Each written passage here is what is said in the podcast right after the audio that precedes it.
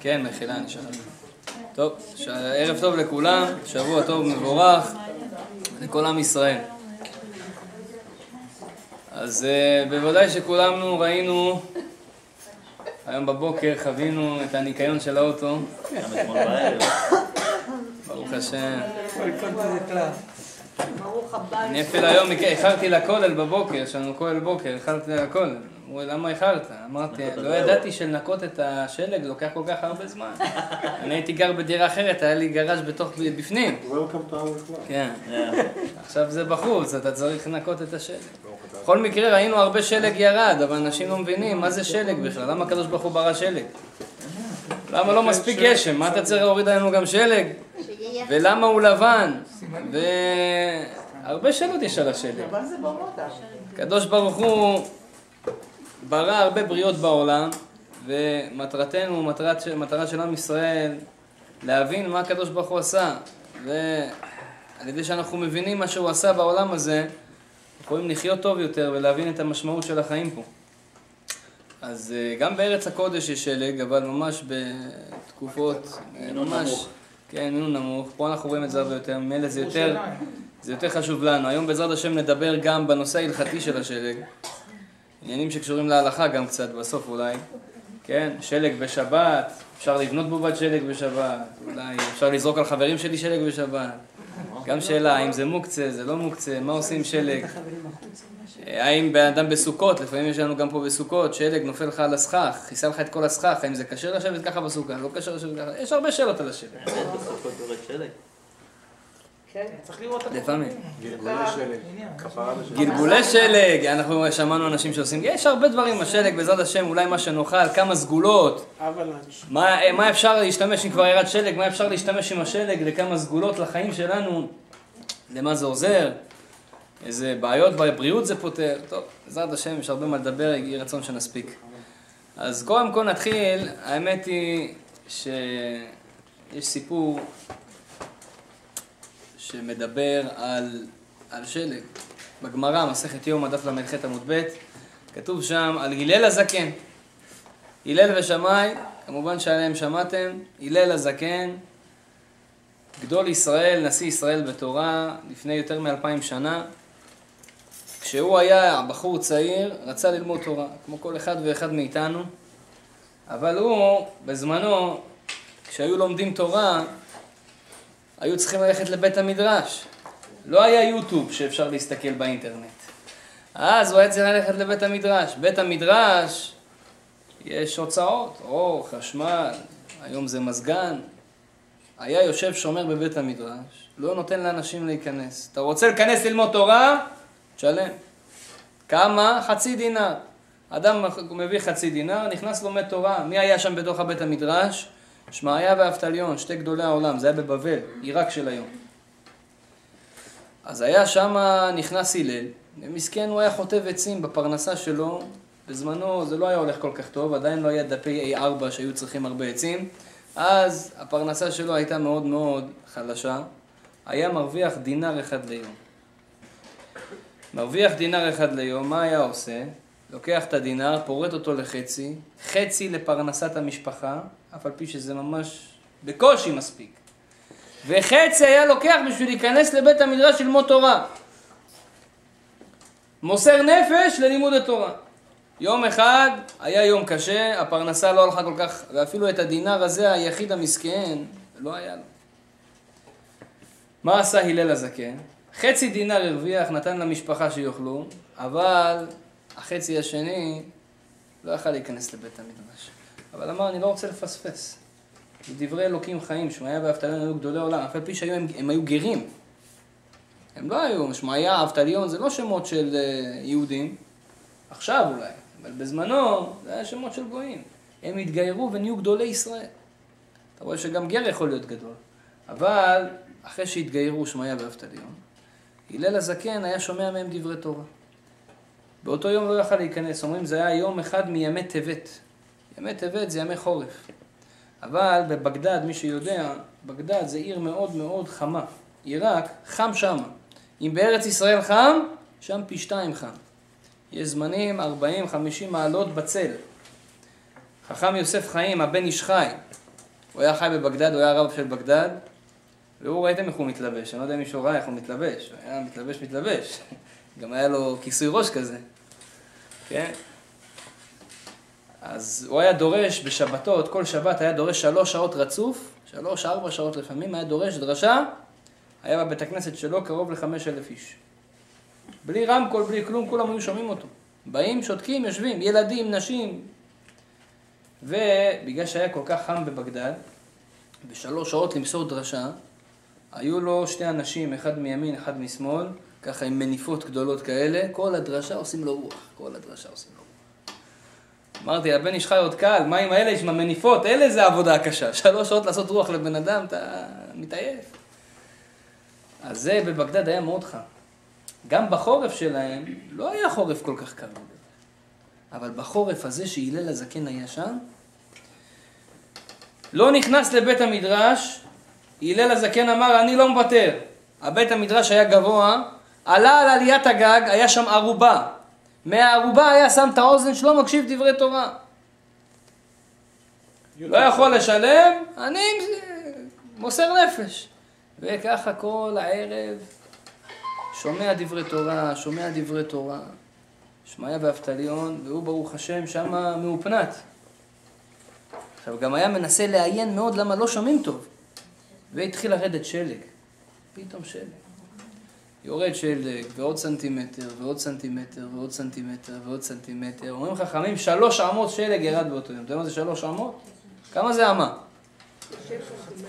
חצי מטר. זה מטר וחצי, מה זה בקנדה אין דבר כזה. מטר וחצי שלג. נפל עליו, איבד את ההכרה. בבוקר, עלות השחר, שמעיה ואבטליון, היו מגיעים ראשונים לבית הכנסת.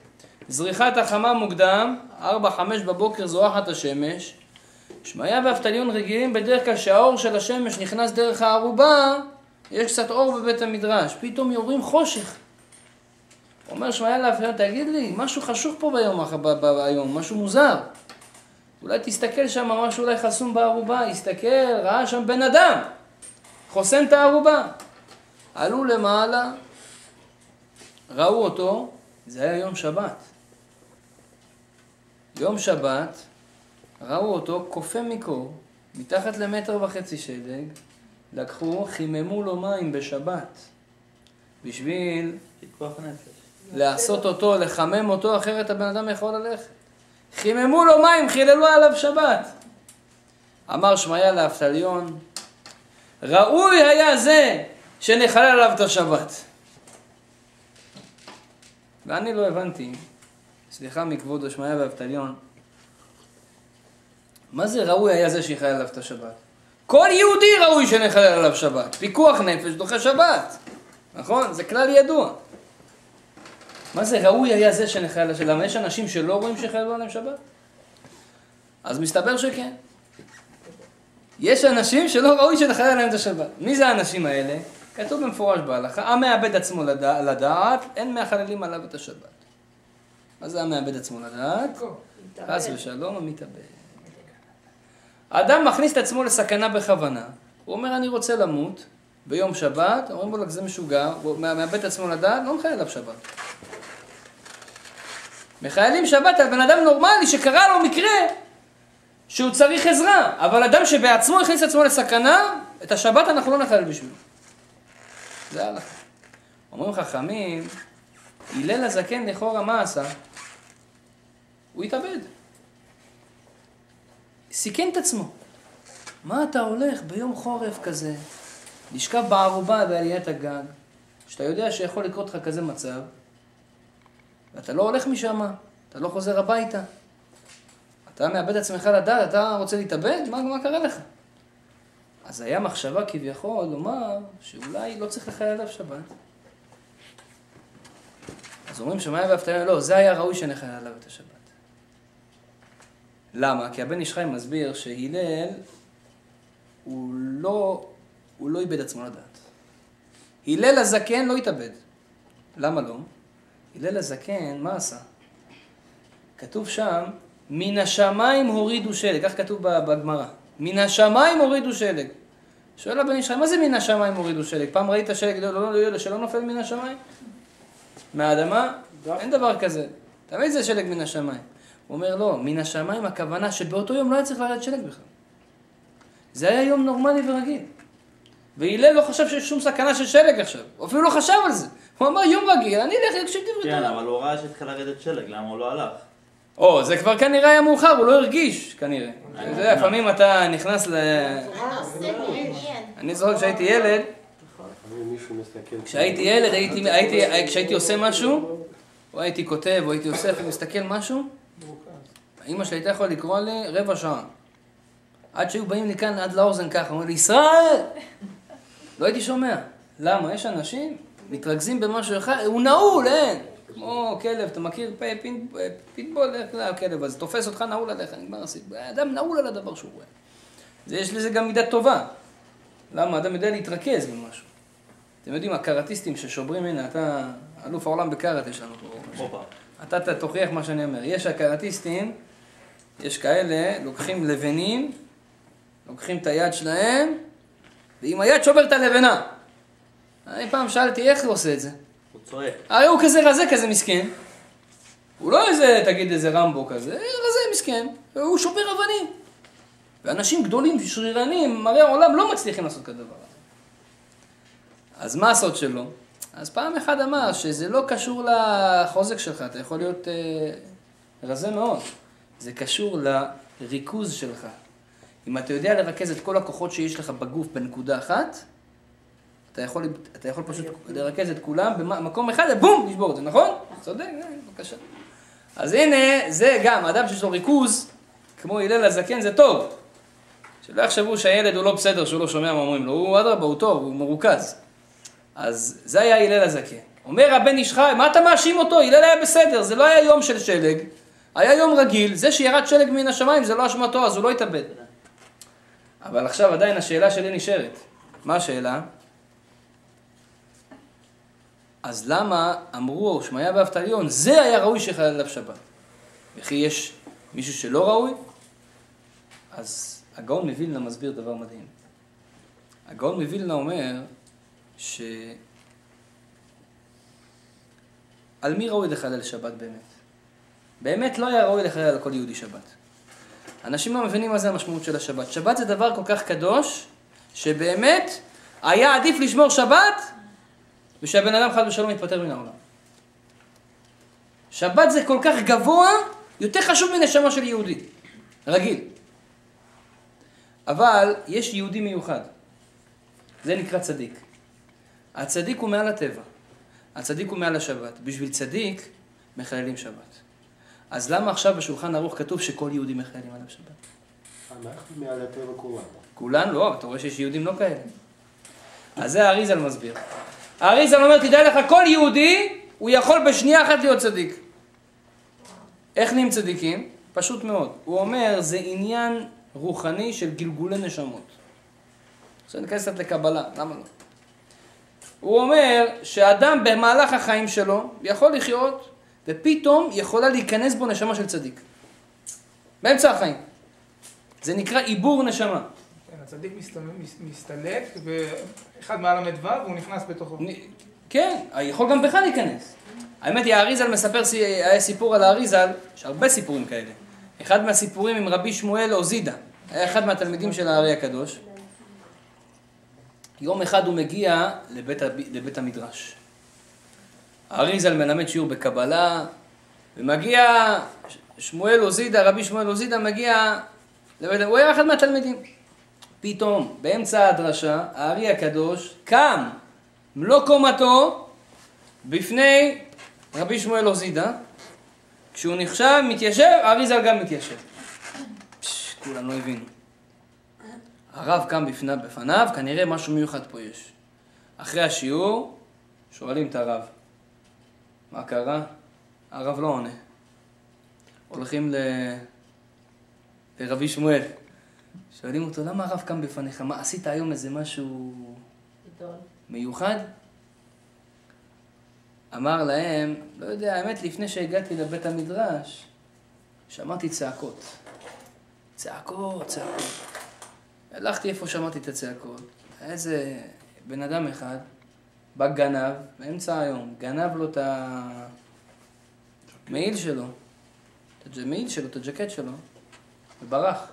הוא מסכן, אדם אין לו כסף. פעם בזמנם בן אדם היה לו מעיל אחד. לא היה להם הרבה, היו לובשים את זה כל השבוע.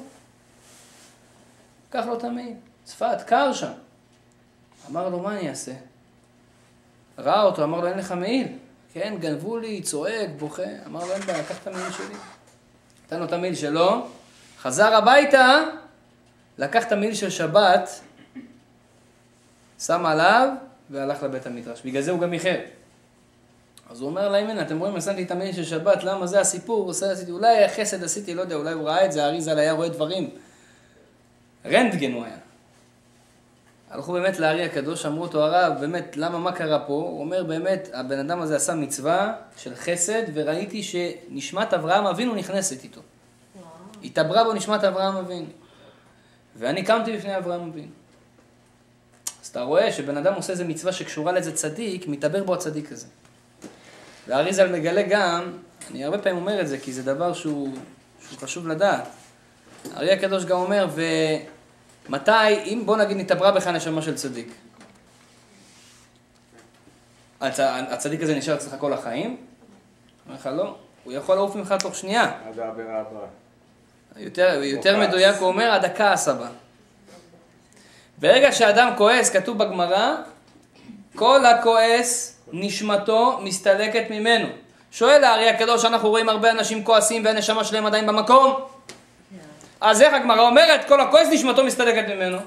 אומר, לא, לא הכוונה נשמתו הוא עצמו. נשמה שלו נשאר במקום. הנשמה של הצדיק שהתעברה בו, לא יכולה לשלול. למה? כי כל הכועס כל מיני גיהנום שולטים בו. צדיק לא יכול להיות בגיהנום, אז הוא הולך. זה, זה הסוף. אז זה, אדם מקבל נשמות של צדיקים בחיים שלו, ופתאום לפעמים אתה רואה, יש לך איזה קטע כזה, לפעמים אתה בא, ופתאום מרגיש, בואנה, יש לי כוח לעשות מצוות, יש לי כוח לקום בבוקר, יש לי כוח להתפעל, יש לי כוח תפילין עם כוונה, זה- מאיפה זה הגיע? איזה צדיק יתעבר בך, נתן לך כוחות. נתן לך מצב רוח טוב. נתן לך איזו הרגשה טובה. למה? זה בזכותך, אתה עשית איזה מצווה, מצווה גוררת מצווה, אז הצ- הצדיק הזה נותן לך כוחות. לפעמים אתה מרגיש איזושהי חולשה, הרגשה לא טובה, מוצא שבת בדרך כלל, מרגישים הרגשה לא טובה, למה מוצא שבת? אומר מוצא שבת, נשמה, יתרה מסתלקת. אז אתה מרגיש שזה זה משהו, איבדתי איזה משהו, איבדתי איזה, איזה, איזה ניצוץ משהו. לא אותו דבר. זה יכול להיות גם לא במוצאי שבת, ש- שכעסת ואז הלך לך הניצוץ הזה, ואז אתה מרגיש, אתה מרגיש לא טוב. בגלל זה כל מי שכועס מרגיש לא טוב. אין אדם שהוא כועס ומרגיש טוב אחרי זה. אפילו כעס בצדק. אחרי כל כעס, מרגישים רע. למה? נשמות מסתלקות. אין, אי אפשר לשלוט. הכעס לא יכול, הוא... עוזבים אותה הנשמות. אז זה, הוא אומר, מה קרה להלל? נחזור להלל. הלל הצדיק, באמת הוא היה סטודנט רגיל, רצה לשמוע, מסר נפש בשביל לשמוע דברי תורה. בזכות שהוא מסר נפש, התעבר בו נפש של צדיק. מי התעבר בהלל? אומר חכמים, הלל זה היה נשמת אהרון. אהרון הכהן התעבר בהלל. בגלל זה גם בפרקי אבות אתה רואה שהלל אומר, מה המשנה הראשונה של הלל כמדומני בפרקי אבות? הלל אומר, הווה מתלמידיו של אהרון. אוהב שלום, רודף שלום, אוהב את הבריות, קרבן לתורה, הוא היה מחובר לאהרון. למה? התעבר בו נשמת אהרון. האמת היא, אתן לכם רמז אפילו כתוב. משהו מדהים, תראו מה זה, איזה, איזה, הכל רמוז אצלנו בתורה. כשמשה רבנו מקבל את התורה, סליחה, כשמשה הקדוש ברוך הוא בא למשה רבנו בסנה שם, אומר לו, אתה לך תדבר עם עם ישראל, אתה תהיה המושיע שלהם. אומר לו, תשמע, עזוב אותי, אני לא מתאים, וזה, קח מישהו אחר, שלח נא ביד תשלח. אומר לו הקדוש ברוך הוא, לא, לא, לא, אתה תהיה. אומר לו, תשמע, אני מגמגם. אני אבוא להם עד שישמעו אותי, אלה יתעצבנו כבר ילכו. אז מה עושים? אמר אל תדאג, אהרון, הוא יהיה לך לפה. זה הפסוק. אהרון, הוא יהיה לך לפה, ואתה תהיה לו לאלוהים. תשימו לב, אהרון הוא ראשי תיבות. ה', יהיה, י', לך, למד, לפה, למד, הלל. אהרון זה הלל. אהרון, הוא יהיה לך לפה, הלל. זה גלגול שלו. אז אתה רואה שזה כבר נרמז שם. אז הגיע אהרון, התעבר בהלל הצדיק. בהלל הזקן. עכשיו, הלל הזקן, אז הוא נשמת אהרון. עכשיו תשים לב, אם אתם תיקחו את החיים של הלל וחיים של אהרון, תראו אותו דבר. כל ה... מה שהוא אמר, גם הוא אמר. כל המהות שלו, אהרון כתוב במדרש, היה שפל רוח. אתה יודע מה זה שפל רוח? שלא, אין לו, אין לו גאווה אפילו בכלום. מישהו מדבר אליו, כתוב שם במדרש, מדרש רבה, שאם, איך היה, אומר, כיצד, כיצד היה שפל רוח, שואל, את הג- שואל המדרש, כיצד אהרון היה שפל רוח? תן לנו דוגמה. אומר, אדם היה מקלל אותו, היה אומר לו שלום. אתמול הוא קילל אותי, היום אני רואה אותו, שלום, מה נשמע? אומר עוד דוגמה, אדם היה רב איתו, היה שותק. שותק. אומר, בגלל זה זכה אהרון, מה שמו לו? אורים ותומים. איפה האורים והתומים נמצאים? על הלב, כי הלב שלו היה נקי, לא היה לו שנאה לאף אחד. הוא לא היה שונא אף אחד, אפילו בן אדם הוא היה בא נגדו. אותו דבר, הלל הזקן. היה ענוותן, שפל רוח. אתם, אתם מכירים את הסיפור הזה ששתי חבר'ה התווכחו ואמרו מי יעצבן את הלל? 400 זוז, מי יעצבן את הלל? אז הוא התחיל לעצבן אותו, בא אליו ביום שבת, היה צועק, מי כאן הלל? מי כאן הלל? והוא עושה שמפו עכשיו במקלחת הלל. ערב שבת, מתקלחים. מוציא אותו מהמקלחת, אומר לו, תשמע, תגיד לי, למה, אה, אמרתי לכם את זה פעם שעברה, לפני פעמיים, נכון? כן, למה הסינים יש להם עיניים אה, זה, אה, אלכסוניות, למה הכושים יש להם שפתיים גדולות, אה, כל פעם ככה בא אליו עצבן, ומה הוא? הוא ברוגע שלו, עונה לו, מסביר לו, וואלה, ערב שבת, אחי, עוד מעט נכנס שבת, עוד לא התקלחת, בן אדם מציק לך, אומר לך גם הלל, לא קורא לך הרב. נשיא ישראל, זה לא זה, זה כמו הרב הראשי לישראל, אומרים לו, "אה, יוסי! זה לא יפה, זה פוגע בבן אדם. היה ענוותן, שפל רוח, לא, לא, לא, לא היה לו גאווה, כמו אהרון. האמת אומרים שזה יסוד גדול בבית. מי שרוצה ללמוד שלום בית צריך ללמוד מאהרון. כך כתוב בספרים. אתה רוצה לדעת איך להיות הבעל הכי טוב, האישה הכי טובה, ממי אתה צריך ללמוד? מאהרון. למה? אוהב שלום ורודף שלום. כל המידות של אהרון זה המידות הכי טובות לשלום בית. למשל, שפל רוח. תדעו לכם, אדם שהוא שפל רוח, בחיים לא יהיו לו מריבות. בחיים. אין מצב כזה. הוא לא יכול לריב עם אף אחד. למה? הוא לא, הוא לא, הוא לא, אין, אין לו גאווה. הרי מי רב? הגאווה רבה. אם אין לי גאווה, אני לא רב עם אף אחד. אז היא השפילה אותי. נו, בסדר, חזק וברוך, כפרת עוונו, שטבח שמו, עשית לי יום כיפור היום, תודה רבה, אני אנשק לך את הידיים גם. הוא לא, הוא אוהב את זה, אדרבה. זה אדם שהוא לא, אין לו גאווה. זה, אין, יהיה לו שלום תמיד. אומרים עוד, עוד מעלה שהיה להלל. אומר, הלל, מעניין מאוד, היה לו, היה לו עניין של פנים מהירות. כתוב, היה מאיר פנים לכל אדם. אתה יודע מה זה מאיר פנים לכל אדם? זה דבר שאנחנו צריכים להתחזק בזה, אני אומר לכם, אני אומר לעצמי. אם אתה כזה עצוב וזה, ירד שלג היום חשוך וזה, אתה עצוב כזה. בא לך בן אדם, אומר לך שלום, מה נשמע? אתה אומר, בסדר, הכל טוב. זה.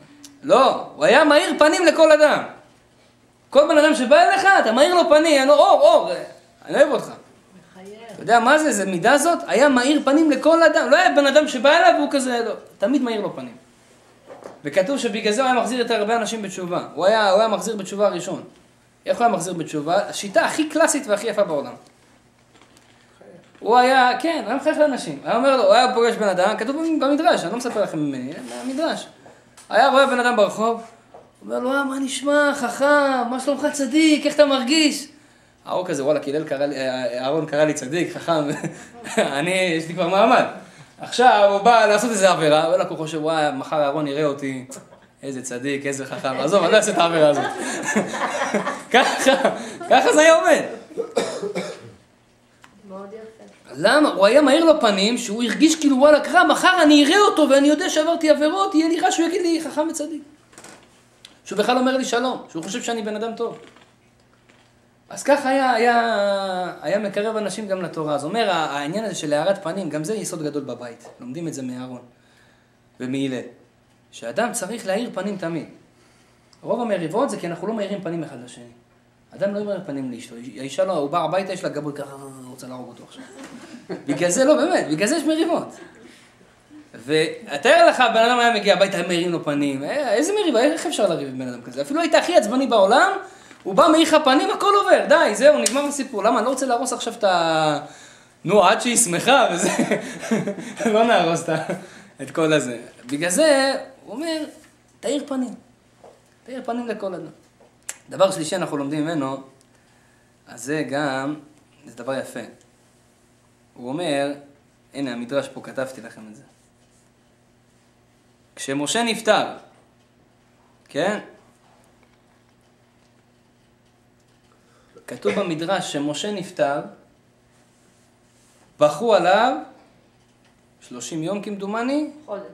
חודש, מי? כתוב, ויבכו האנשים, האנשים. הגברים בכו עליו. כשכתוב שאהרון נפטר, מעניין מאוד, כתוב ויבכו אותו אנשים, הנשים והטף. כן. רגע, רגע, אני לא מבין פה. משה רבנו זה היה גדול הדור. הרב הראשי בדור, עליו בחרו רק הגברים. על אהרון, גם הגברים, גם הנשים, גם הטף. למה זה ככה? הוא אומר המדרש, מה הוא אומר, יש הבדל בהנהגה, איך, באפרוץ', בגישה של משה ושל אהרון.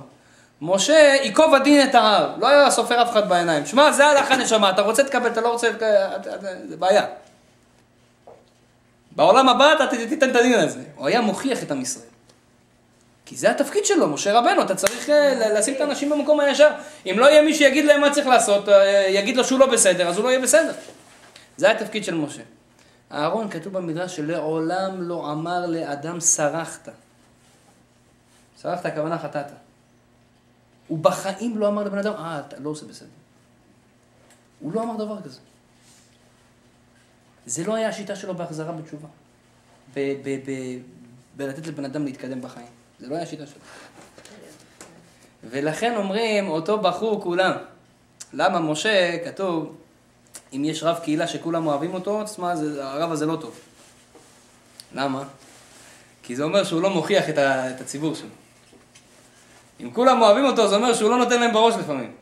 ותפקיד הרב זה לפעמים גם להגיד את הדברים ה- הקשים, לשמוע. אם כולם אוהבים אותו, זה אומר שהוא לא כזה. אבל מצד שני, יש בחינה, בגלל זה אהרון לא היה רב, הוא היה אהרון. אבל יש בחינה כזאת שאתה יכול לקרב אנשים בצורה מדהימה. רק ב... לא להראות להם בכלל מה הם לא עשו בסדר. למה אתה צריך להסביר לבן אדם שהוא לא בסדר? ופה אנחנו מגיעים, למה דווקא אהרון? כי אהרון מלמד אותנו איך לחיות בבית, איך שיהיה לנו שלום בבית. איך יהיה לנו שלום בבית? לעולם לא להגיד לבן אדם סרחת. מה הבעיה שלנו? אנחנו באים הביתה, מתחילים מחר ולהגיד, זה לא בסדר וזה לא בסדר, פה עשית לא בסדר, פה עשית לא בסדר, פה עשית ככה, פה עשית ככה. ישר אנחנו מתחילים להגיד לו מה הוא לא בסדר. הוא אומר לך, אדרבה, אתה רוצה שלום בבית, תהיה כמו אהרון.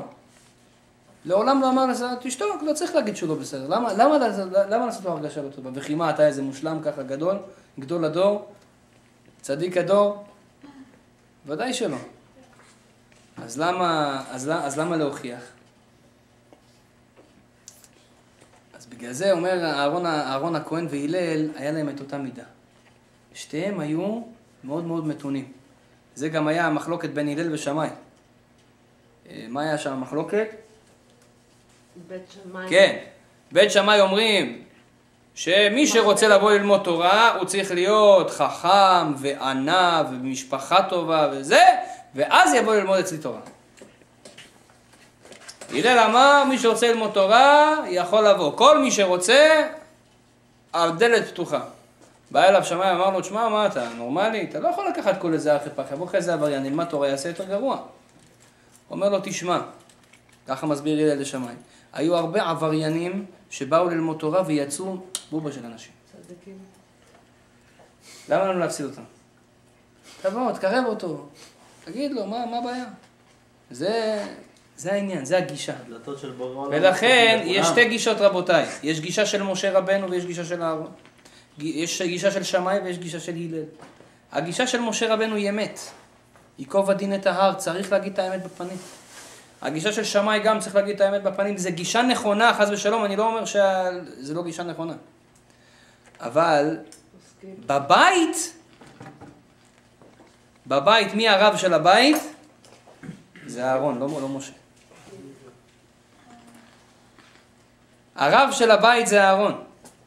הרב האישי שלך, בעבודה האישית הפנימית שלך, זה משה רבנו. תוכיח את עצמך שאתה לא בסדר, אתה צריך להיות יותר טוב. זה אתה תעמוד על עצמך. אבל הרב של הבית זה אהרון הכהן. בבית עם הילדים, בבית עם, ה, עם הבעל, עם האישה, צריכים להיות מאוד מאוד אהרון. מאוד מאוד להיות עדינים, מאוד נחמדים, לדעת לשתוק, לדעת להיות שפל רוח. ואם אתה עושה כדבר הזה, אז יהיה לך הצלחה באמת. וזה, אני לא יודע איך אפשר להגיד, אבל אני יודע, אני חושב שזה היה הרב של, שלמה זלמן אוירבך. בדרך כלל, אתם יודעים, בהלוויה, לא עליכם, לא על אף אחד מישראל, בסרמוני שעושים בהלוויה, בסוף מבקשים מחילה מהנפטר, סליחה. אומרים לו, אנחנו מצטערים אם פגענו בך, אם עשינו לך משהו לא טוב. נכון שעכשיו זה כבר מאוחר מדי, אבל עדיף מאוחר מאשר אף פעם. ובעיקר המשפחה, הבעל או האישה והילדים מבקשים, אבא, סליחה אם אנחנו עשינו לך משהו לא... אז הרב, אני חושב שזה היה הרב שלמה זלמן אורבך, מהדור הקודם, שהוא לא ביקש מחילה מאשתו. הוא לא ביקש סליחה, היא נפטרה לפניו, לא ביקש סליחה. אז אמרו לו, אולי כבוד הרב שכח את ההלכה הזאת, אולי שצריך לבקש מחילה. אמר לו, אני אין לי מה לבקש מחילה מאשתי. בחיים לא ציירתי אותה. עכשיו, אני, לא יודע איך אני יכול להגיד דבר כזה. בחיים לא ציירתי אותה. אתה יודע מה זה? בן אדם שיכול להעיד, וזה לא סתם אחד שקרן, חס ושלום, כן? זה, זה צדיק, זה גדול הדור. הוא אומר, אני, אני אומר לך, אני בחיים שלא ציירתי, אני נזהרתי כל כך, שבחיים לא ציירתי את אשתי. זה גדולה של בן אדם. כן, זה אהרון, סיפרתי לכם עליו שהוא היה פעם אחת מגיע הביתה, הוא היה בן 90 כבר, כמעט. בא הביתה וזה, אז אחד מהתלמידים שלו היה מלווה אותו הביתה. אז פתאום הוא עוצר ליד הדלת, כן, בן אדם בן 90, כן? מסדר את הפאות ככה, חגורה, את העניבה, ונכנס הביתה. התלמיד שלו כאילו רואה אותו, תשמע, בן אדם בן 90, בינינו, אתה לא עכשיו הולך לאיזה דייט פעם ראשונה. מה זה כל הגינדורים האלה? כבוד הרב. מה, יש לך אורחים? כן, הוא אומר, יש לך אורחים? יש לך... אומר לו, מה זה איזה אורחים? הוא אומר לו, השכינה בבית. מה זה השכינה בבית? שכינה. שכינה זה האור האלוקי. בשבילו זה אשתו זה כמו הקדוש ברוך הוא. מה, אני לא צריך להכין את עצמי לקראתה שתראה אותי שאני... שאני... זה בחיים לא צייר את אשתו. כן, זה גם הפוך גם צריך להיות, כן? גם האישה צריכה... לעולם לא ציירתי את בעלי. אבל זה רק להבין שאם אדם שם לעצמו רב, עשה לך רב, מי? אהרון הכהן והלל הזקן צריכים להיות הרבנים שלך בבית. וללכת ב... ב... ומתלמידיו של אהרון. ואם אדם עושה ככה, אז הוא מצליח. אז זה קצת אה, בשביל החיזוק האישי. נחזור לשלג, בעזרת השם. עכשיו... בשביל החימום. אז באמת, סיפרנו סיפור על השלג, מאוד מעניין, מאוד נחמד, ראינו כמה תובנות מהגמרא, אבל בינינו, אנשים שואלים, מה אפשר ללמוד מהשלג? מה השלג מסמל? קודם כל, על פי הקבלה, השלג מסמל דין. אנשים חושבים, השלג זה לבן, חסד. אומרים לך, לא, הרמח"ל כותב, השלג הוא סמל דין, מצד אחד. אז הוא אומר, אז למה הוא לבן, אבל הוא קפוא. וכל דבר שהוא קפוא הוא מצומצם. דבר שהוא חם, הוא רחב, נכון? ברזל שהוא חם הוא מתרחב. אני הייתי פעם בארץ, היה לנו גינה. אבא שלי עשה מנעול לגינה. לפעמים בקיץ, הוא היה, בחורף היה סוגר את המנעול, עד, עד, עד הקיץ לא היינו פותחים את המנעול. בקיץ אני בא לפתוח את המנעול, לא מצליח לפתוח את המנעול. סליחה, הפוך. בחורף אני לא מצליח לפתוח את המנעול. לא הבנתי למה. הרי בקיץ פתחנו אותו בלי בעיה. אלא זה ברזל, ובגלל החורף הוא... מתכווץ. הוא מתכווץ. כל דבר שהוא קפוא הוא מתכווץ. התכווצות זה סימן לדין. אז השלג מצד הקיפאון שלו הוא סמל של דין. ולכן יש כאלה שאמרו שכשיורד שלג זה לא הסימן הכי טוב בעולם. בגלל זה בארץ ישראל לא יורד הרבה שלג. אבל... נכון, אז זהו, אבל מצד אחר, יש לו גם עניין של דין, יש לו גם עניין של חסד, מצד הלובן שלו. ובאמת, אם אנחנו נסתכל בתורה שלנו, שהשלג בדרך כלל מתי הוא יורד? בלילה. חוץ מהזמן הזה, לא, יש גם ביום, אבל באיזה תקופה בשנה הוא יורד? בחורף. בחורף, זו תקופה שנקראת בדרך כלל טבת. הנה עכשיו אנחנו נכנסים לטבת עוד מעט. בארץ ישראל, אם כבר יורד שלג, זה יורד בטבת, תקופת ינואר. מאוד מעניין שבתקופת טבת יש לנו שש שבועות שנקראים שובבים. שבועות שובבים כאלה. מה זה השובבים האלה? זה הראשי תיבות של שש פרשות שאנחנו קוראים. מפרשת שמות, זה עוד מעט יהיה, כן? חודש. מפרשת שמות, אז יש לנו שמות זה שין. אחר כך וארא, ו'.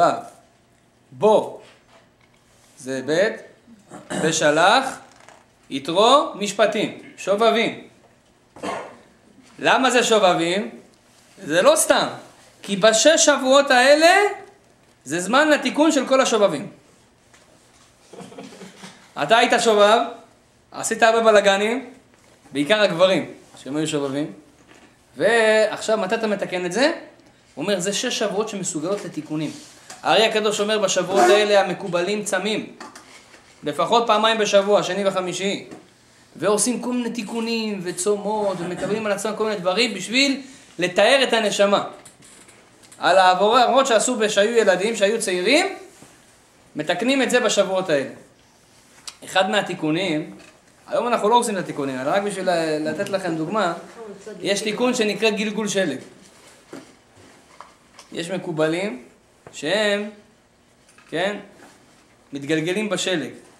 הכוונה בלי בגדים. זה קר, מי יכול לעשות דבר כזה? זה סיגוף, זה, זה, זה, זה קשה לגוף. הוא אומר, יש עבירות מסוימות שהגלגול שלג הזה הוא מתקן את העבירה הזאת. ו... מאוד בריא. מאוד בריא גם, אתה אומר, כן? על איזה עבירות מדובר? בדרך כלל משכב זכור, נידה, כאלה. ותשע פעמים בשלג, יש שלושים ושלוש פעמים בשלג, יש שבע פעמים בשלג, כל תיקון יש לו את העניין. בכלל בלי שום דבר? אה, כן. אז, אה, אז זה, זה, אז זה תיקון, אתה רואה תיקון של גלגול שלג. וגם יש פסוק שאומר, אם יהיו חטאתכם כשני, כשלג ילבינו. אנחנו רואים מכל הדוגמאות האלה שהאלמנט הזה של שלג תמיד מספר, מסמל כפרת עוונות, ניקיון של הנשמה. הזמן הזה שיורד שלג זה זמן של שובבים, זה זמן שמתקנים את הנשמה, שמתחילים דף חדש. הזמן הזה של ה...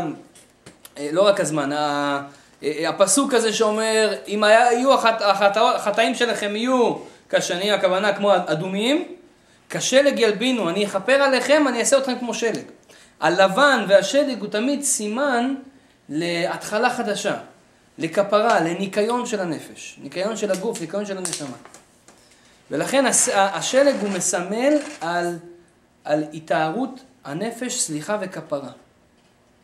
בגלל זה הצבע הלבן, גם על פי הקבלה, הוא צבע שמסוגל לסליחה. בגלל זה ביום כיפור אנחנו לובשים לבן, אחד הסיבות.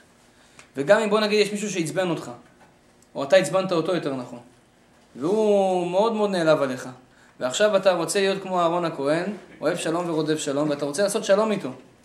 אז על פי הקבלה, אם אתה תבוא עם בגדים לבנים, הוא יסלח לך יותר מהר. נכון. מה זה קשור? אז דיברנו פעם על הסודה של הצבעים, שהצבעים משפיעים על הבן אדם, אז לבן הוא מסמש לעניין של התחלה חדשה. עזוב אותך, מה אתה מחזיק לי שנאה? הוא רק הלבן כבר צועק לו, תסלח לו. רק זה שהוא לובש לבן. בגלל זה הרבה פעמים אנחנו לובשים לבן. והארי הקדוש אומר, בשבת צריך גם ללבוש לבן, אבל היום אנחנו לא נוהגים בזה, כי זה קצת אה, גאווה, כי אה, כל החכמים לא לובשים לבן, אבל הוא אומר ממש, הלבן הזה מאוד חשוב. הוא מסמל סליחה, אתה רוצה שמישהו יסלח לך, תלבש לבן. אשתך עצבנת אותה, תלבש בגדים לבנים, תבוא תבקש סליחה. יועיל לך יותר טוב. כן. אז זה, זה, זה, זה, ככה מלמדים חכמים. אז אם אנחנו רואים שהלבן הוא סמל של טוהר וסליחה, זה גם באמת מה שמרמז השלג מצד אחד. השלג מסמל שתמיד אפשר להתחיל התחלה חדשה. וזה מה שיפה אצלנו בתורה הקדושה. וזה מי שלוקח את היסוד הזה ומאמץ אותו לא רק לזוגיות שלו, לכל דבר בחיים, הוא פשוט יהיה בן אדם הכי מוצלח בעולם. יש יסוד אומר, שאומר שתמיד צריך להתחיל התחלות חדשות. וזה היסוד של שלום בית ושל חיים טובים. מה זה התחלות חדשות? כל הבעיה שלנו בחיים זה כי אנחנו לא מתחילים התחלה חדשה ואנחנו נשארים בעבר. מישהו עצבן אותך, אתה נשאר בעבר. אתה לא נותן, אתה לא נותן להתחלה חדשה להתחיל. ולכן בגלל שאתה נשאר בעבר, אתה, אתה לא תהיה יוצלח, אתה, נש... אתה מאחורה. אתה יכול להמשיך בחיים שלך קדימה, אבל אתה מאחורה כי זה עדיין בראש שלך. היסוד של התחלה חדשה זה המקפצה לח... להתארות הנפש, זה המקווה הטוב ביותר בחיים. רבי נחמן אומר, כששאלו אותו הרב, איך הגעת, אתה בגיל 39 נפטר. והוא הגיע לרמות מדהימות שאף אחד לא, לא הצליח להגיע לרמות האלה כמעט. ברוחניות, בחוכמה, בהבנה, בקדושה, ברוח הקודש. שאלו אותו, איך הגעת לכל הדברים האלה? הוא אומר, יסוד אחד. האמת, הוא אמר שתי יסודות, אבל יסוד אחד מהם, הוא אומר, כל יום התחלתי התחלה חדשה. אבל לא פעם אחת, לפעמים התחלתי 20 התחלות חדשות ביום אחד. מה הכוונה? הוא אומר שהוא דיבר על רוחניות ועבודת השם. הוא אומר, הרבה פעמים הייתי רוצה להתקדם בעבודת השם, והייתי נופל, לא הייתי מצליח. הוא אומר, אז הייתי יכול ליפול לייאוש ולהגיד, אוקיי, אתה לא מצליח, תשמע, נחמן, לא יצא ממך כלום, עזוב את החיים שלך, תעשה דברים אחרים. זהו, יכלתי להגיד את זה. אז הוא אומר, לא. ריבונו של עולם, מה שהיה, היה, עכשיו מתחילים מההתחלה. עוד פעם אני מנסה. עכשיו הוא אומר, הוא אומר. היה לי ימים שהתחלתי 20-50 התחלות חדשות. והוא אומר, ורק בזכות זה נהייתי גדול. בגיל כזה צעיר הוא נהיה גדול. למה? הוא אומר, זה היסוד של כל החיים, תתחיל התחלה חדשה. גם בבית, בן אדם נמצא בבית. ויש סיטואציה לא נעימה בבית. אז יכולים להמשיך את הסיטואציה הזאת יום, יומיים, שלוש, לפעמים זה שבוע. יש כאלה מחמירים, חודש, חודשיים. שנים לפעמים. לא מדברים אחד עם השני. זה קורה, זה דברים של יום-יום, אנשים יודעים את זה. התורה אומרת, מה אתה מדבר? על הדקה אתה צריך להתחיל התחלה חדשה. אתה צריך לעשות לך ריסטארט. להגיד, רגע, רגע, איפה אני נמצא עכשיו? זה מה שאני רוצה בחיים? נפלנו, היה פה איזה אי נעימות, אוקיי, מתחילים התחלה, מה שהיה היה, לא זוכר את זה, נגמר סיפור, אני רוצה עכשיו, אוקיי, מחילה, אני רוצה להתחיל התחלה חדשה. בוא נפתח דף חדש, בוא נשכח מה שהיה. צריך לעשות את זה. ותדעו לכם, רוב היהודים הנורמליים, כשאומר להם בוא נתחיל דף חדש, אומרים לך בסדר. כשאתה אומר את המילה הזאת, בוא נתחיל דף חדש, הוא יגיד לך בסדר. בואו נתחיל דף חדש. כי יהודים מצד הטבע שלהם בדרך כלל אמורים להיות סלחנים. אנחנו סלחנים, יש לנו את זה בטבע. ואם אין לנו את זה, אז כנראה קצת איבדנו את היהדות שלנו. כי יהודי בטבע שלו צריך להיות סלחן. אז הוא אומר, תתחיל התחלה חדשה. כל רגע התחלה חדשה. מה שהיה היה, עכשיו נתחיל מההתחלה. ולא צריך לא לזכור את זה. פה צריך להשתמש בשכחה. יש אנשים חושבים, שכחה באמת זה לא טוב. כתוב שכל השכחה באה מהקליפות, מכוחות הטומאה. אבל פה שכחה זה טוב.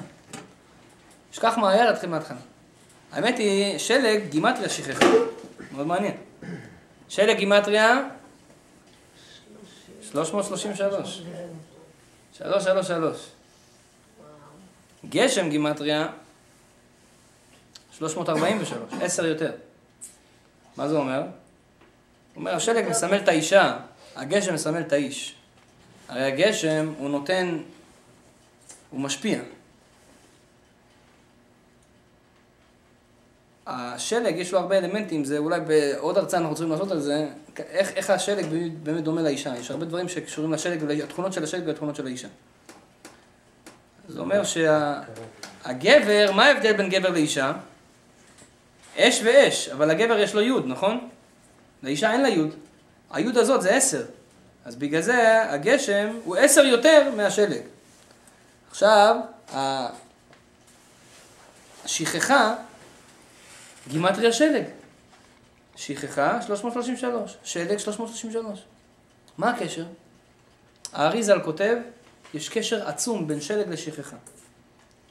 הוא אומר זה משהו קבלי, שמות של הקדוש ברוך הוא, שם הוא עושה כל מיני צירופים, זה לא הזמן ללמוד את זה, אבל הוא אומר סגולה מדהימה.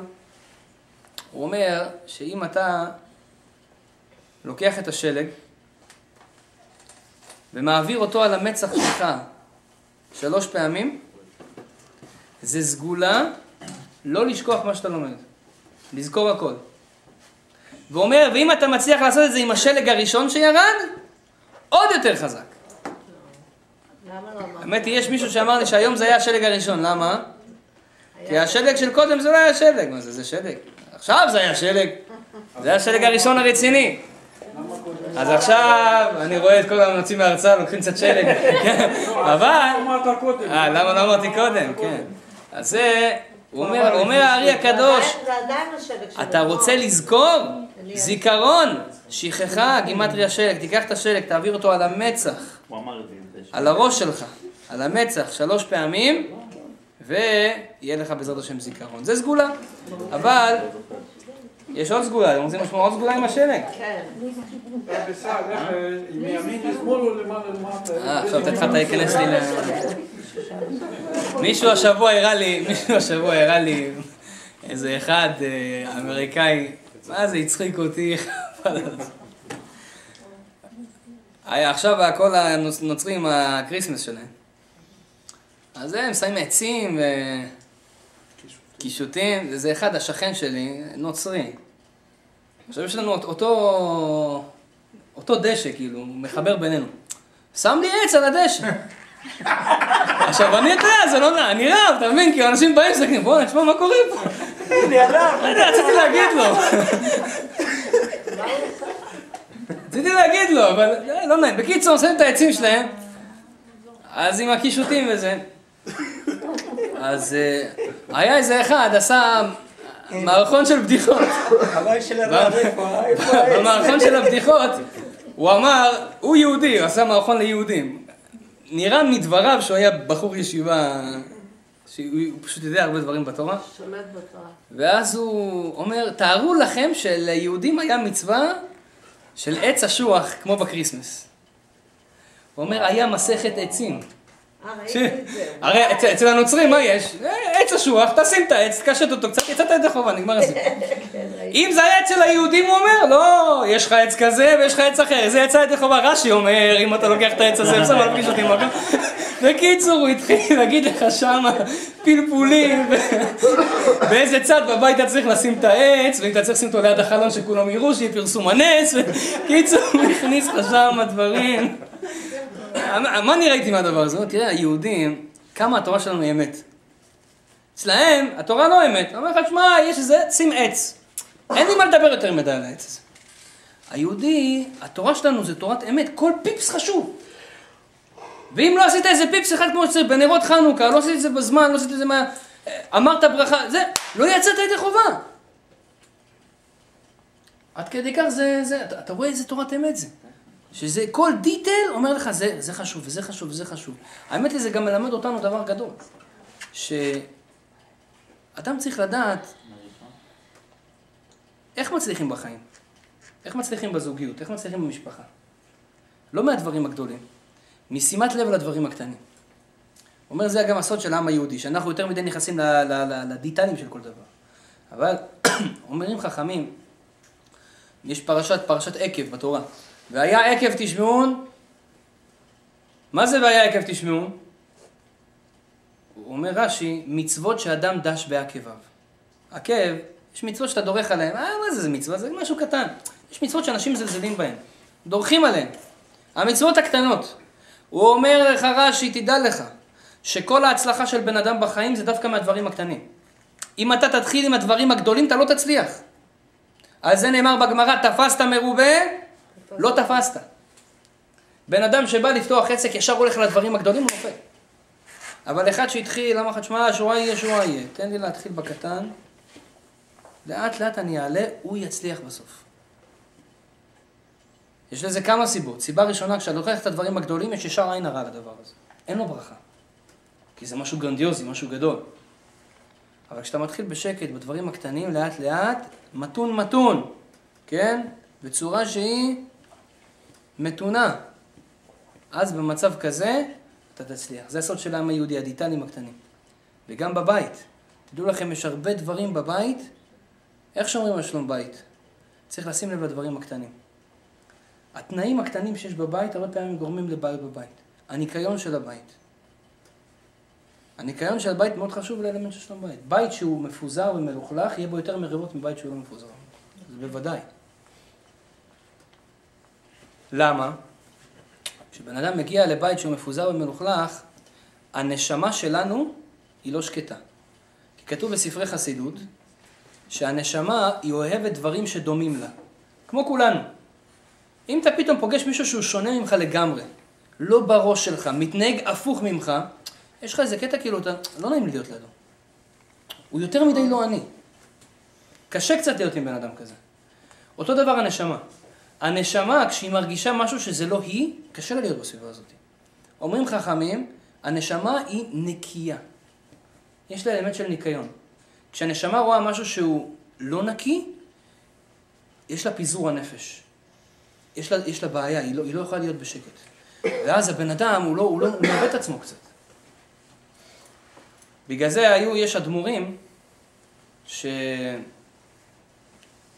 אני שאלתי פעם שאלה גדולה מאוד.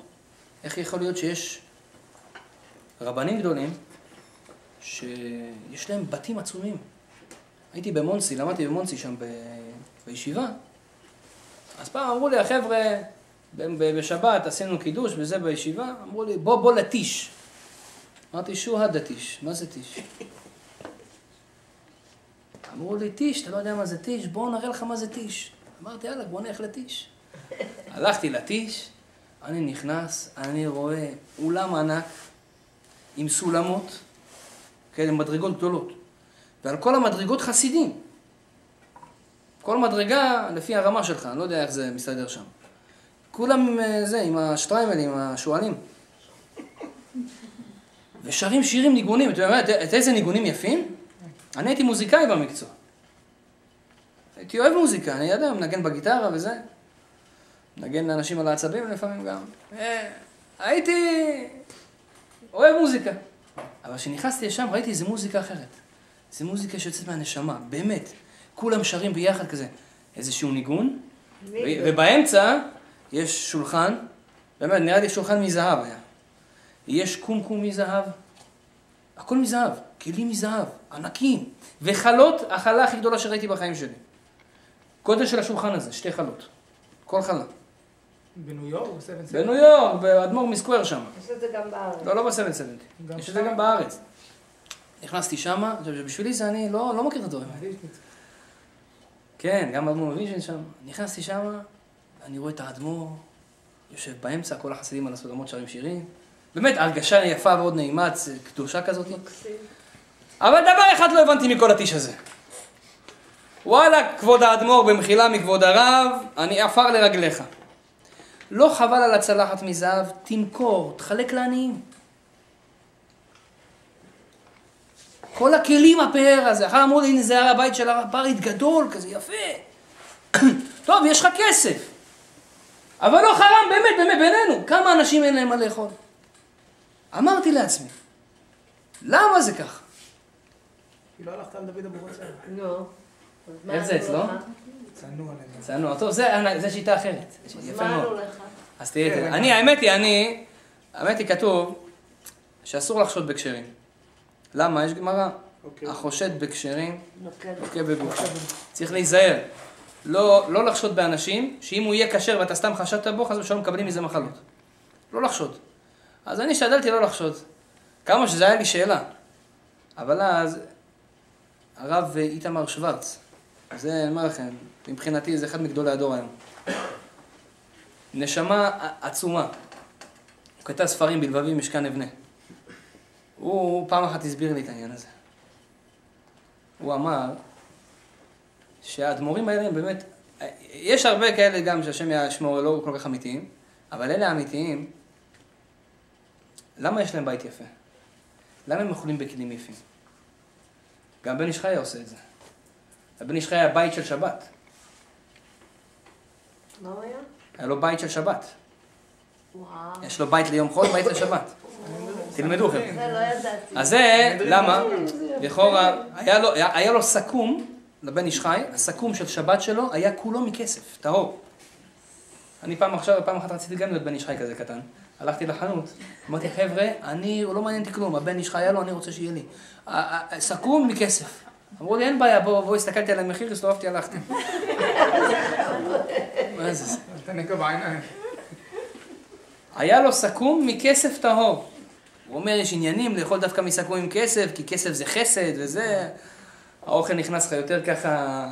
יותר זורם לך בגוף כנראה. כן, בקיצור, היה גם אה, מבזבז כסף על דברים האלה.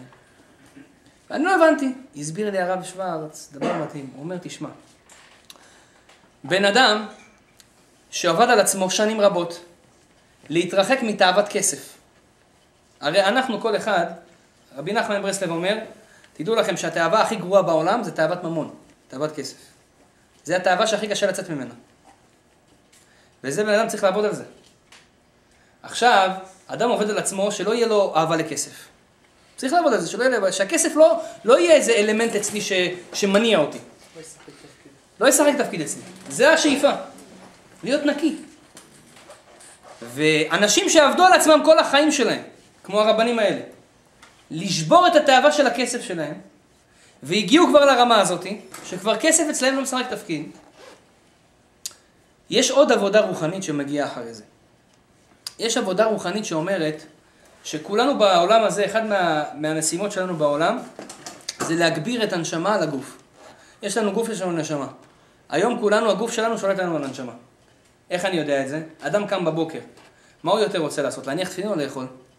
נכון. קצר בימה. אה? לאכול. למה? הנשמה רוצה להניח תפילין.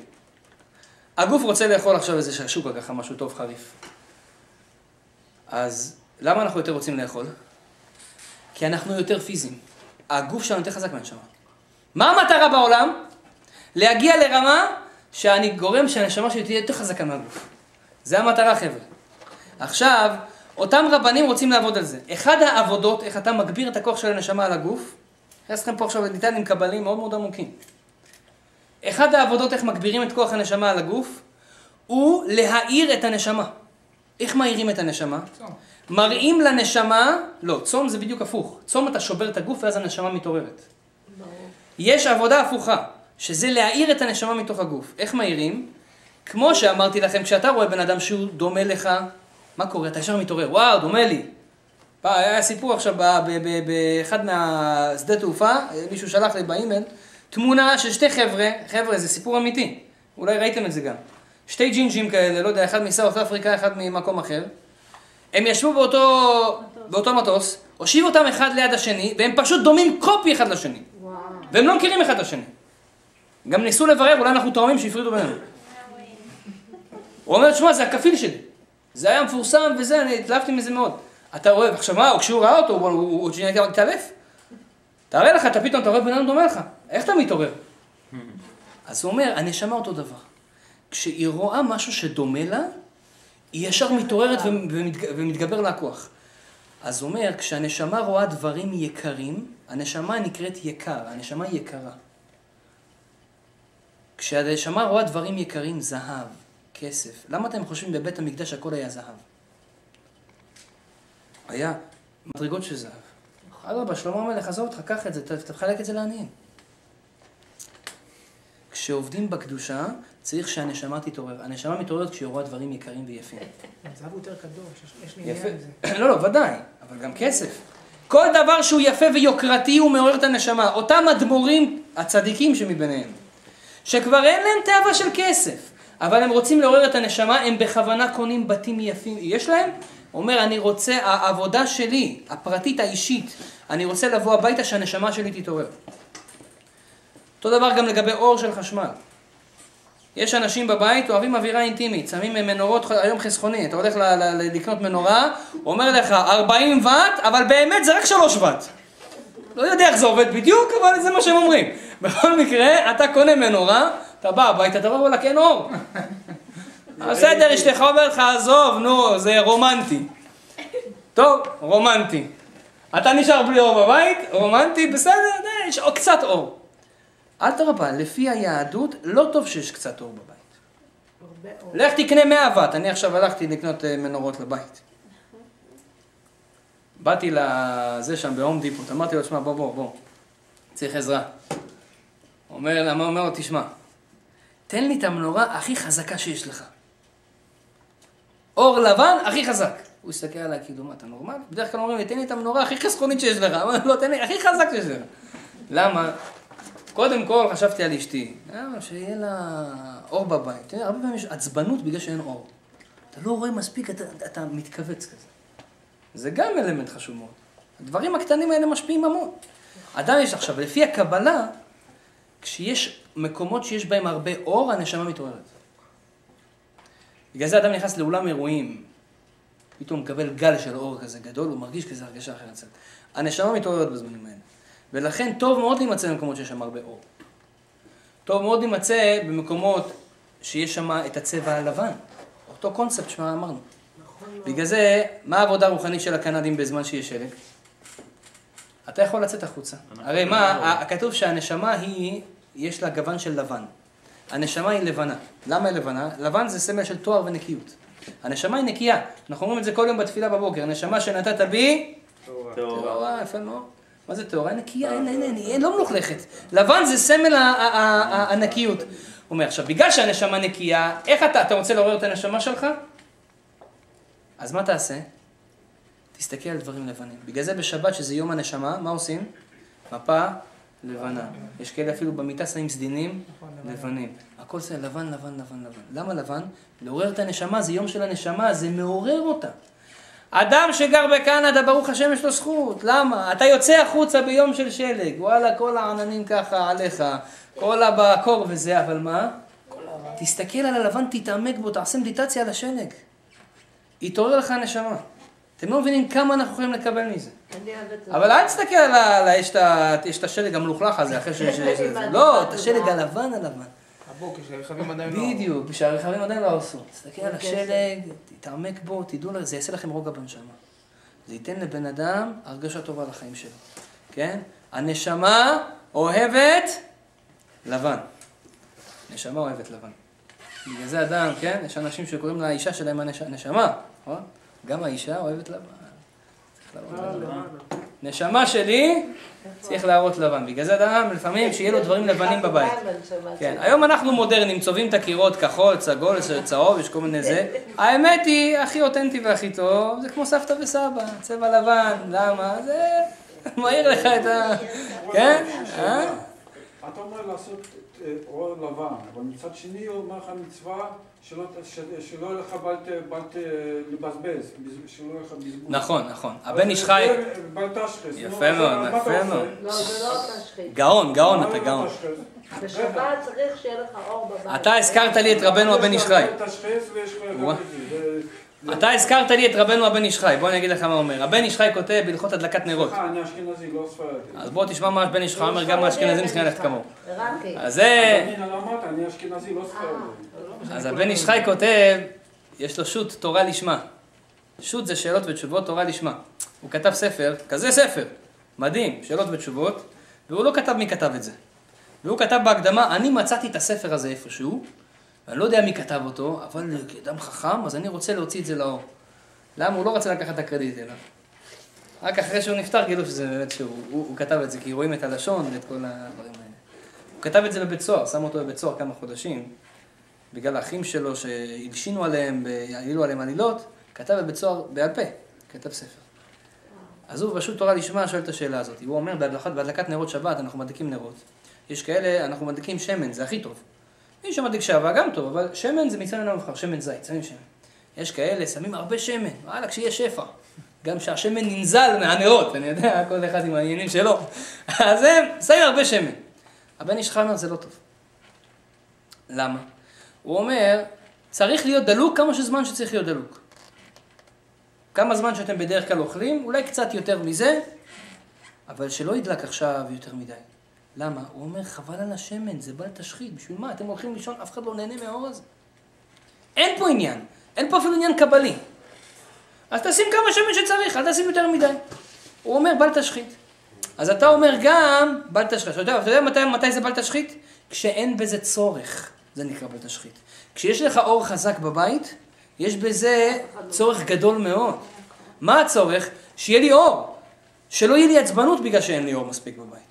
שאם אתה מספיק לך 40 ואט, נו, חזק וברוך. אבל יש כאלה אנשים, אני אומר לך על עצמי למשל, אני אוהב שיש לי אור בבית.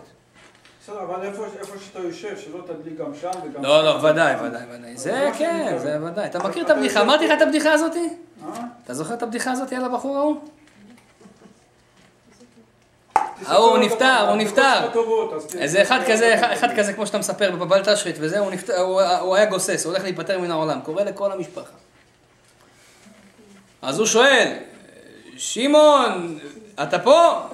אז אומרים לו, כן, כן, שמעון פה, קורא לילדים שלו. רחל ומשה, אתם פה? אז למה- הוא אומר, כן, פה. זה כולם פה. כולם פה? כן, הוא רוצה להגיד שהוא הולך למות. כולם פה, כן. אז למה האור בשירותים דולק? אני לא אומר.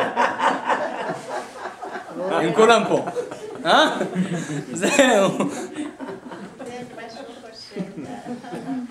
אלא אם כן אתה עובד בחברת חשמל, כן? ששם זה... יש לך חשמל אם בחינם. הייתי עובד בחברת חשמל, אמרתי, את המ- את המפסיקים צריך לחתוך אותם, שיהיו תמיד גאון. כן, האמת היא ככה אני הייתי אומר לאבא שלי. אבא שלי עובד בחברת חשמל. אז כשאני לא הייתי מכבה את האור בשירותים או משהו כזה, הוא אומר, למה אתה לא מכבה את האור? אמרתי לו, אבא, אתה לא עובד בחברת חשמל? אז הוא אומר לי, כן, אבל אני לא מקבל חשמל חינם. טוב, אז. זה העניין. בכל מקרה, אתה יודע, שכחתי על מה דיברנו. על בל תשחית, כן. אז אוקיי. בכל מקרה, הלבן. אז זה, הסוד של הלבן, יפה מאוד. זה הסוד של הלבן. אז אדם ידע שיש בזה עבודה רוחנית גדולה מאוד. והשלג זה לא דבר פשוט. אז זה גם, אמרנו, סגולה לזיכרון. וגם סגולה, האמת, אני אגיד לכם עוד סגולה. אדם חס ושלום, ילדים וזה, שיש להם פצעים. כל מיני מקומות בגוף, שכין, וכל מיני דברים כאלה של פצעים. כתוב בספרי, בספרי קבלה, ראיתי, כתוב לקחת את השלג, להעמיס אותו, ואז לרחוץ את הילד במים האלה. זה סגולה להעביר לו את הפצעים. אז זה גם יש דברים גדולים בשלג. מה זה שקר? שקר לבן. טוב, זה אולי נעשה על שיעור על שקרים, זה לא... זה לא, אני רוצה להבין, האם זה קשור ללבן שקר לבן זה, זה אליעזר הבן של יהודה המציא את ה... את ה- אז אתה את עכשיו. בסוף תהיה כמו. זה, אבל זה לא כתוב בתורה של שקר לבן, אין דבר כזה כמו האריזה, נכון? לבן. אני תמיד חשבתי זה הלבן, אריזה, אה. אחותה. מהתורה. כן, כי הוא היה שקרן. אז, אה, אז על מה דיברנו? או, אז עכשיו, ה- השלג, רבותיי, דיברנו על גלגולי שלג. בגלגולי שלג יש עניין של, אה, אמרנו שזה כפרה וזה מתקן, ויש אנשים שמתגלגלים בשלג וכל הדברים האלו. האמת היא, המקור לדבר הזה הוא מבן אדם שקוראים לו בניהו בן יהוידע.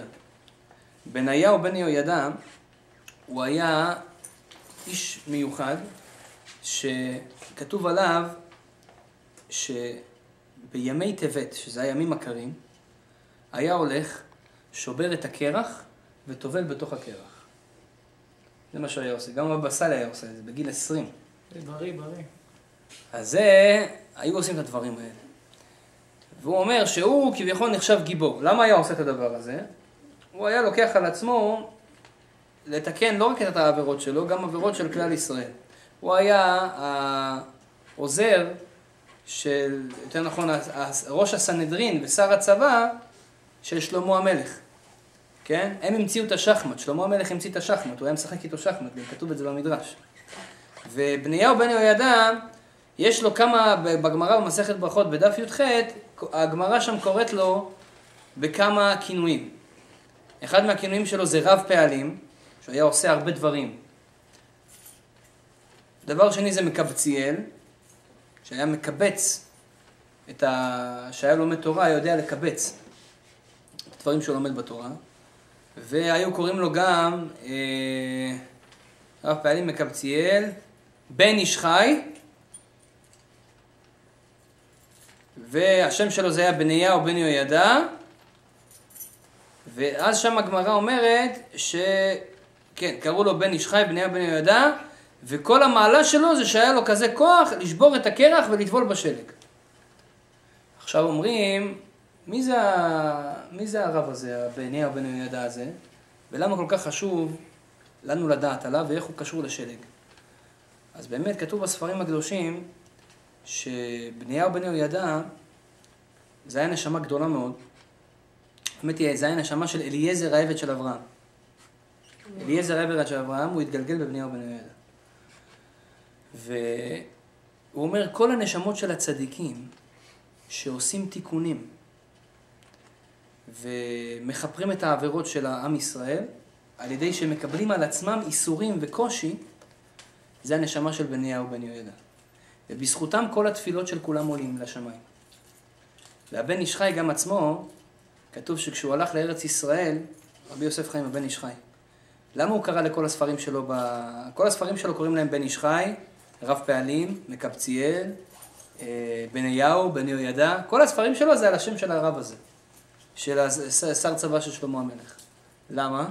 כי הוא כשהוא הלך לארץ ישראל, כן, כל הספרים שלו הוא קרא על שמו. כן? כשהוא הלך לארץ ישראל, הוא השתטח על הקבר שלו, זה בביריה ליד צפת, הוא השתטח על הקבר שלו, ואז גילו לו שהוא הנשמה שלו. זה לא לפני הרבה, זה 190 שנה, 100 לפני שנה. מה, בן איש חי לפני 100 שנה, 107 שנה הוא נפטר.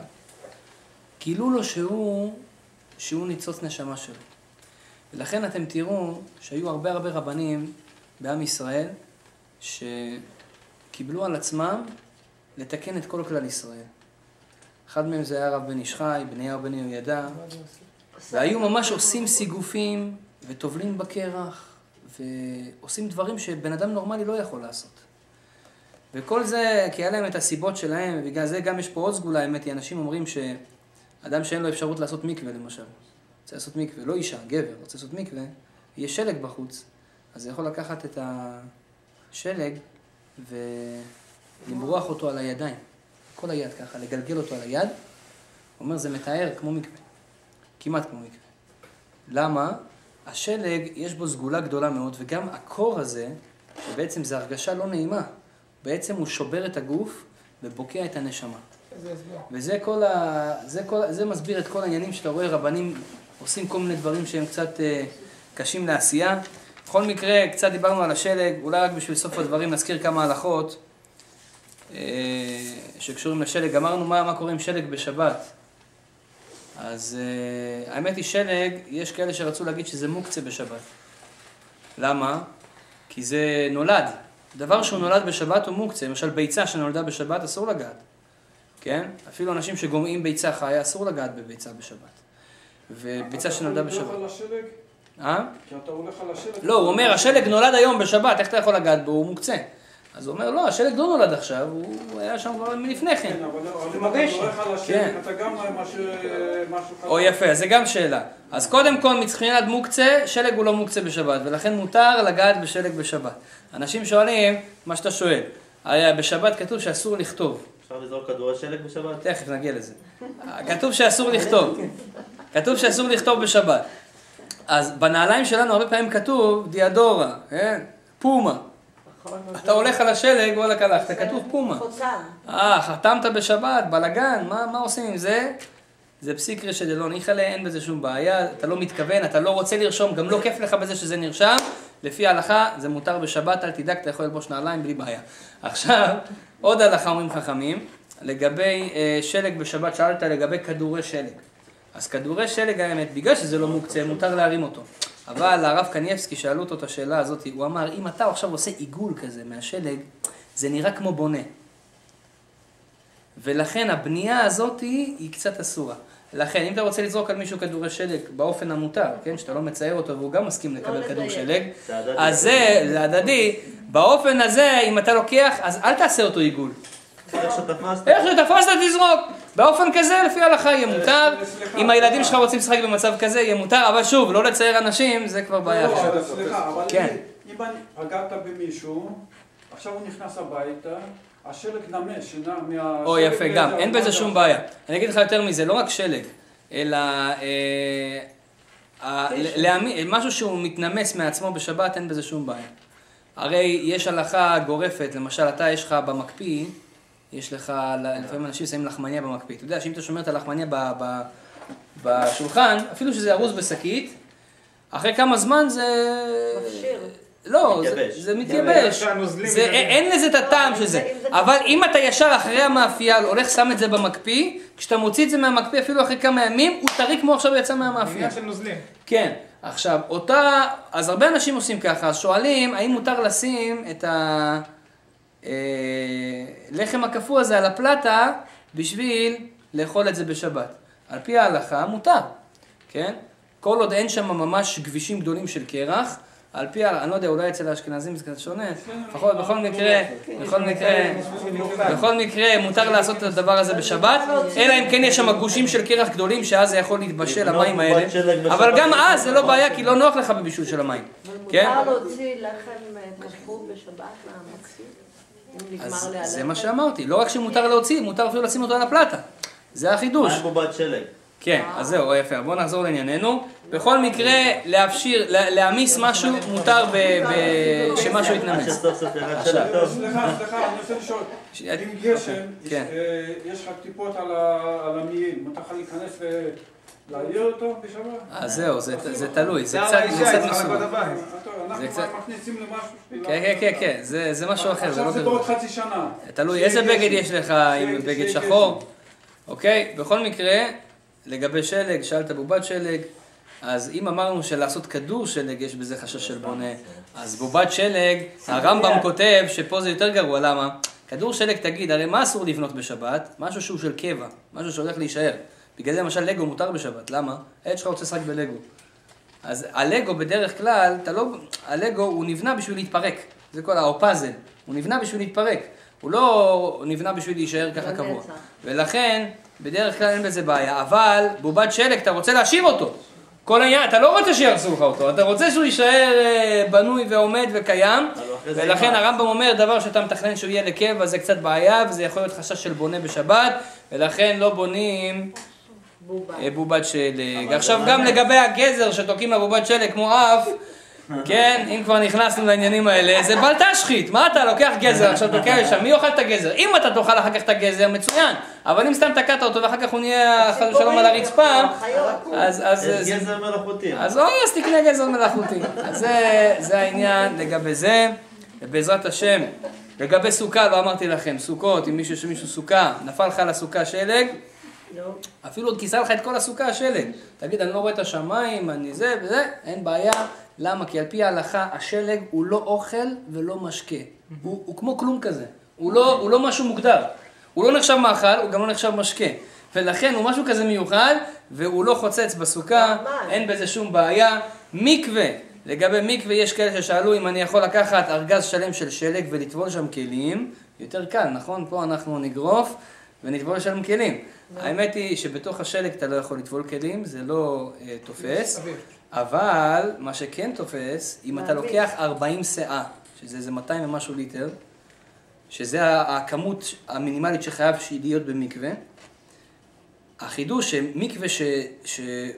שיהיה כשר, צריך שיהיה מים זורמים ישר מן השמיים. אסור לשאוב אותם. זאת אומרת, אם היה מים, ועכשיו אני שואב אותם, המים האלה כבר לא כשרים למקווה. צריך שיבוא ישר מהשמיים. אבל החידוש בשלג, וזה חידוש מדהים, ששלג, כל עוד הוא שלג, אפילו אתה שואב אותו, לוקח אותו ומעביר אותו לבור אחר, והוא מתנמס בתוך הבור, ויש שם 40 שאה, שזה כמעט 300 ליטר, זה כשר למקווה.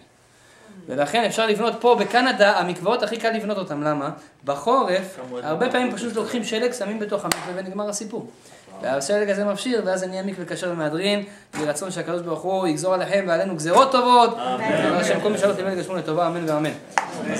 אם יש למישהו שאלות, עכשיו זה זמן לשאלות. מלח על השלג, אה? מלח על השלג בשבת?